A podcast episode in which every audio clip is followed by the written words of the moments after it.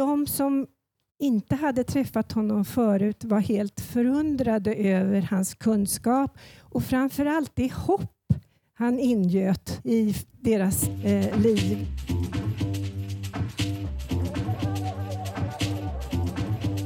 Hej och välkomna till Folkbildningspodden som görs av Arena Idé.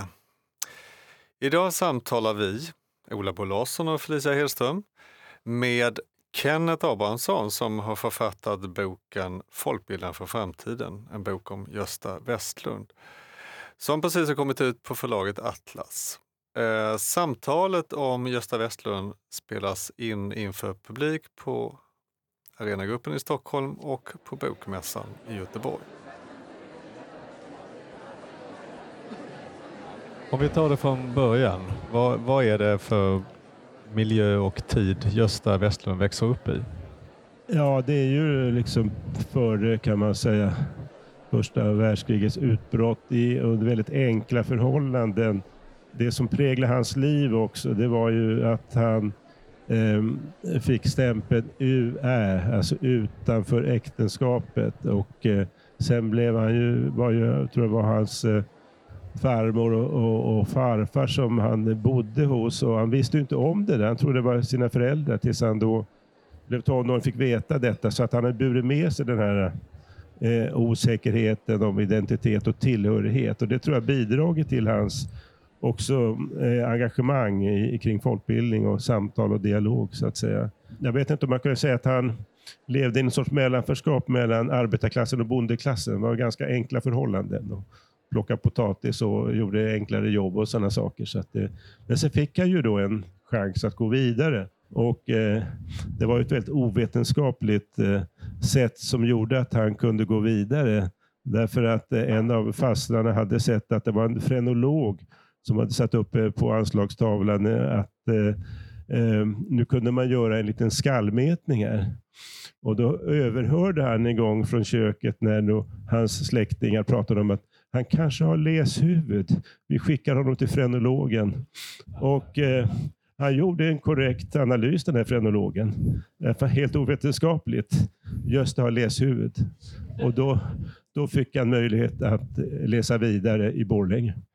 Han började i Borlänge och sen så kom han vidare. Hur då? Ja, eh, då, där Borlänge var ju intressant också därför att eh, då var det lite grann före sin tid. De skulle göra en klasstidning och tyckte det, läraren det var jättebra. Men så började de kritisera demokratin inom skolan. Och Då tyckte man att det var inte bra. Då ville man lägga ner den där tidningen. Så det fanns liksom en inspiration där att påverka politiken och, och eh, rättighetsfrågor. Det kändes, eller han nämnde någonstans att det fanns någon präst som tyckte att det kanske var bättre att skicka honom vidare så att han inte eh, ställer ställde till för mycket oreda i Gagnef. Och då fick han ju möjlighet att eh, läsa på Sigtuna folkhögskola så han kunde gå vidare där. Sen har ju han haft i och för sig en eh, ganska traditionell eh, karriär, om man säger, inte karriär men alltså utbildningsväg. Han är ju inte en autodidakt som Inge Johansson, utan han, är, han läste på Uppsala universitet, lärarutbildning och läste olika ämnen och så kom han tillbaka till folkhögskolan så att säga. En sak som du återkommer till i boken som var viktigt i hans liv, förutom hans eh, utbildningskarriär, så är det ju också familjen och eh, hans son Lasse. Mm. mm. Var, varför var det så viktigt och varför kommer det fram så mycket i boken? Ja, det var så att eh, sonen Lasse då föddes med CP-skada och för att han skulle få en eh, möjlighet att läsa vidare så kämpade de väldigt mycket för Lasses rättigheter. Läkarna sa skicka honom till Eugeniahemmet så blir ni av med honom. Så att säga. Men de ställde upp väldigt mycket och eh, då fick han möjlighet att, eh, att eh, tjänstgöra på, eh, lite senare då, i, hans bildningskarriär på Marieborgs folkhögskola. För där fanns också möjlighet att, att sonen kunde gå i skola och det fanns eh, vad ska jag säga, sådana möjligheter. Va? Så att eh, innan dess så, så var ju också Gösta inriktad och lite grann en, en, en, en föregångsperson inom arbetslivsmodernisering. Så han jobbade ju, så att det var ju valet mellan arbetslivet eller folkbildningen. Men Lasse fick honom att ändra livsinriktning så att det blev folkbildning. Så det är Lasse vi ska tacka för att vi står här idag. Ja, men jag tänkte en liten notering när jag läste, för du tar upp det här på flera ställen, hur han liksom hela tiden väljer familjen framför en karriär inom näringslivet eller att ta det där jobbet. Och det är ganska ovanligt att man läser om män som gör det. Man Ja, brukar lyfta ja. fram det i kvinnohistoria, men inte kring män. Jag tänkte varför du har valt att trycka på det så många gånger. Det måste vara något val där. Ja, han hade ju en etablerad position i, i näringslivet och, och blev tillfrågad om att bli chef för det nyinrättade PR-rådet och så.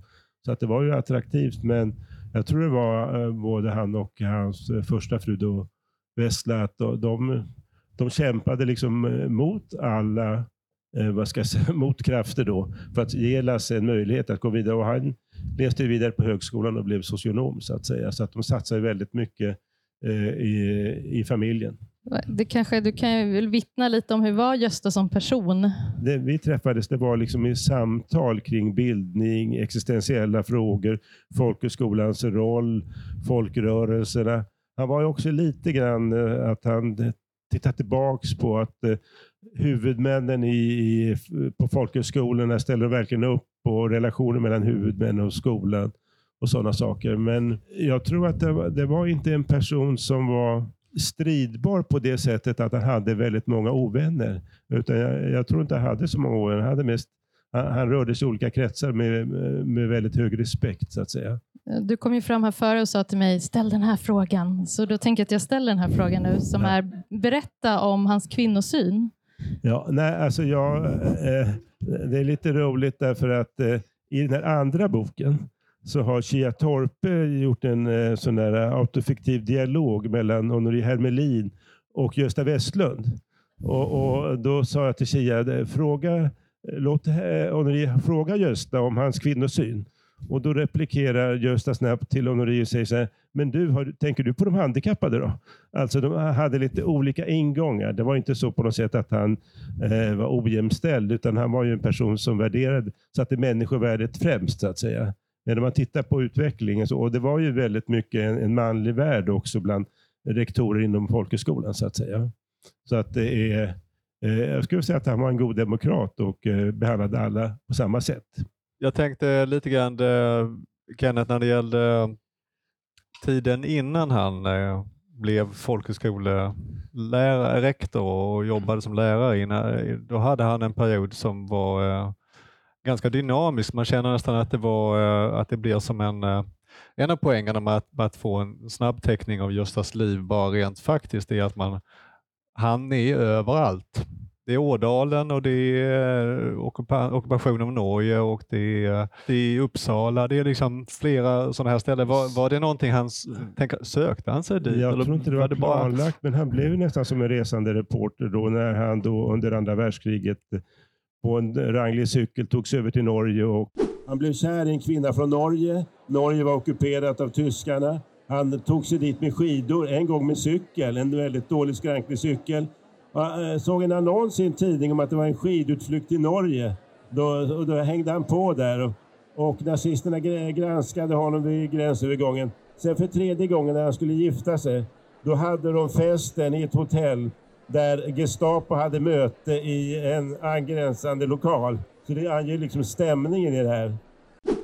Och Ådalen, då visade det sig att när han blev inkallad eh, 43 så var han först i Dalarna men sen blev han flyttad upp till, till eh, eh, Västernorrland, till Ångermanland av det skälet att han hade lite problem med knät. Och då, och, och då hamnade han i diskussioner med olika grupper, eh, ungdomar inte minst. Då var det ju eh, 10-15 år efter Rådalshändelserna så att säga. Så att han, jag tror att det där fick honom också att eh, eh lära sig det här att jobba i grupp och samtala i grupp. va.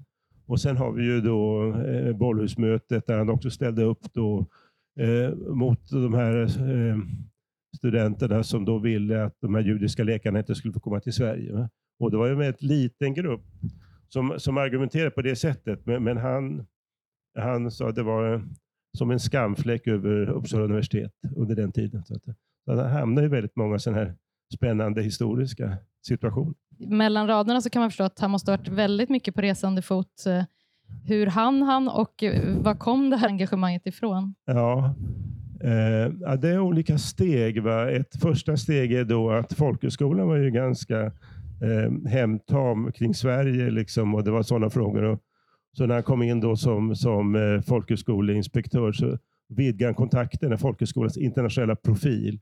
Sen reste han mycket, studieresa till USA när det gäller handikappfrågor och efter pensioneringen så reste han ju till olika länder i Östafrika och inte minst Tanzania där under Nyerperioden då och fick igång eh, diskussioner kring olika folkhögskolor som nu kallas för Folk Development Colleges. Och det lär finnas 150 sådana kvar så att säga. Så att det är ju ja, det är en otrolig livsprestation. Och, och, och, finns ju en liten Hall of Fame for Adult Educators och där är han också medlem så att säga. Som ett minnesmonument. Det var, jag visste inte om den här Hall of Fame, men det lät ju tufft. Har de sådana stjärnor då någonstans? Har de sådana stjärnor i, på någon trottoar eller något, den här Hall of Fame? Eh, vi får väl eh, se till att eh, de kommer, kommer ja. för mycket i Gagnef ja, nu gör detta. Eh, mm. Ja, en Hall of Fame i Gagnef med ja, ja. folkbildare nu hopp, gjorde vi ett hopp i tiden, men jag bara tänkte han var ju på ett antal folkhögskolor, men sen var det ganska ung ålder ändå han blev anställd vid eh, Skolöverstyrelsen ja, ja. Eh, och var där i över 20 år. Jo, hur, hur kom det sig eh, och att han hamnade där? Ja, eh, mycket av det här bygger på en bok som är väldigt svår att få tag på. Den heter ju Klassresa utan kupébyte. Den är ju inte utgiven mera i som hans andra fru Ebba såg till att den kom ut då, eh, 99 tror jag. Eh, och där skriver han ju också om eh, när han var eh, rektor på Tollare och sen så kommer en droska förbi. Man sa ju droska på den tiden. Va? Och där sitter Nils Gustav Rosén som är då eh, eh, generaldirektör på eh, Skolöverstyrelsen. Och, och då blir han lite rädd. Tänker han, ska jag få sparken nu? Eftersom man hade gjort en du-reform. Man fick, man fick säga du till varandra. Ja, nej, men han, Rosén han gick runt och kollade lite grann undervisningen och följde och pratade med deltagare och sådär. Och eh, sen skulle Gösta skjutsa honom tillbaks. Och då säger den här eh, Rosén då, eh, skulle ni vilja bli folkhögskoleinspektör? Och då skriver han i, i eh, memoarerna att det höll på att köra av vägen vid Skurubron där. Men han klarade ratten så att säga. Och det var ju, då var han bara drygt 40 år. Och De flesta rektorerna de var ju liksom mycket, mycket äldre. Eh, och så. Men sen så fick han det jobbet och, och, hade det med respekt under drygt 20 år. Och Då var han ju ett språkrör för folkhögskolan. Eh, och, och, inte en ämbetsman, inte en så att säga kontrollerande person. Va? Som betydde mycket för att eh, utveckla folkhögskolan som en del av utbildningsväsendet eller bildningsväsendet, men också eh, just utbildning av folkhögskollärare som man ägnar mycket tid åt.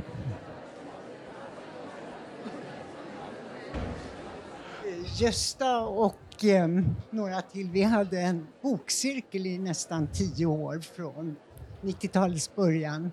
Och det som, han var oerhört intresserad av litteratur. Men inte bara litteratur vad som helst, utan det var de unga i Sverige, deras litteratur måste man läsa i bokcirkeln och diskutera.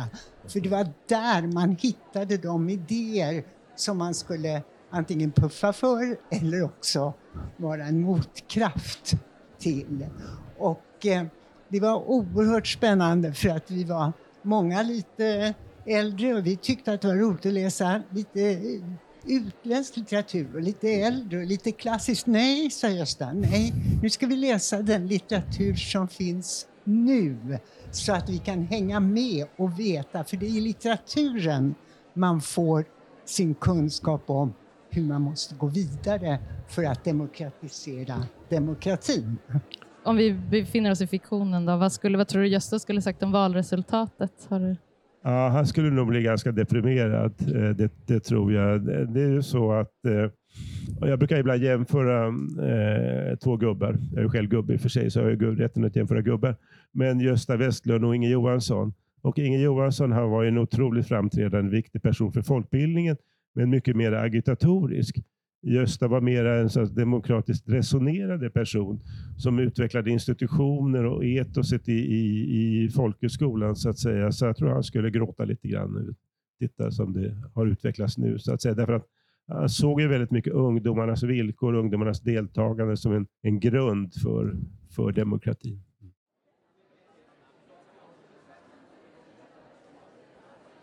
Han levde ju då i en Eh, eh, eh, i början av första världskriget och sen slutade de med pandemin så att säga. Va? Så det var mellan två kriser och jag tror inte han skulle vilja leva så mycket längre eh, i den här situationen. Men däremot hans budskap lever ju vidare och folkhögskolan som är utsatt för en kris och eh, även folkbildningen är ju hotad politiskt.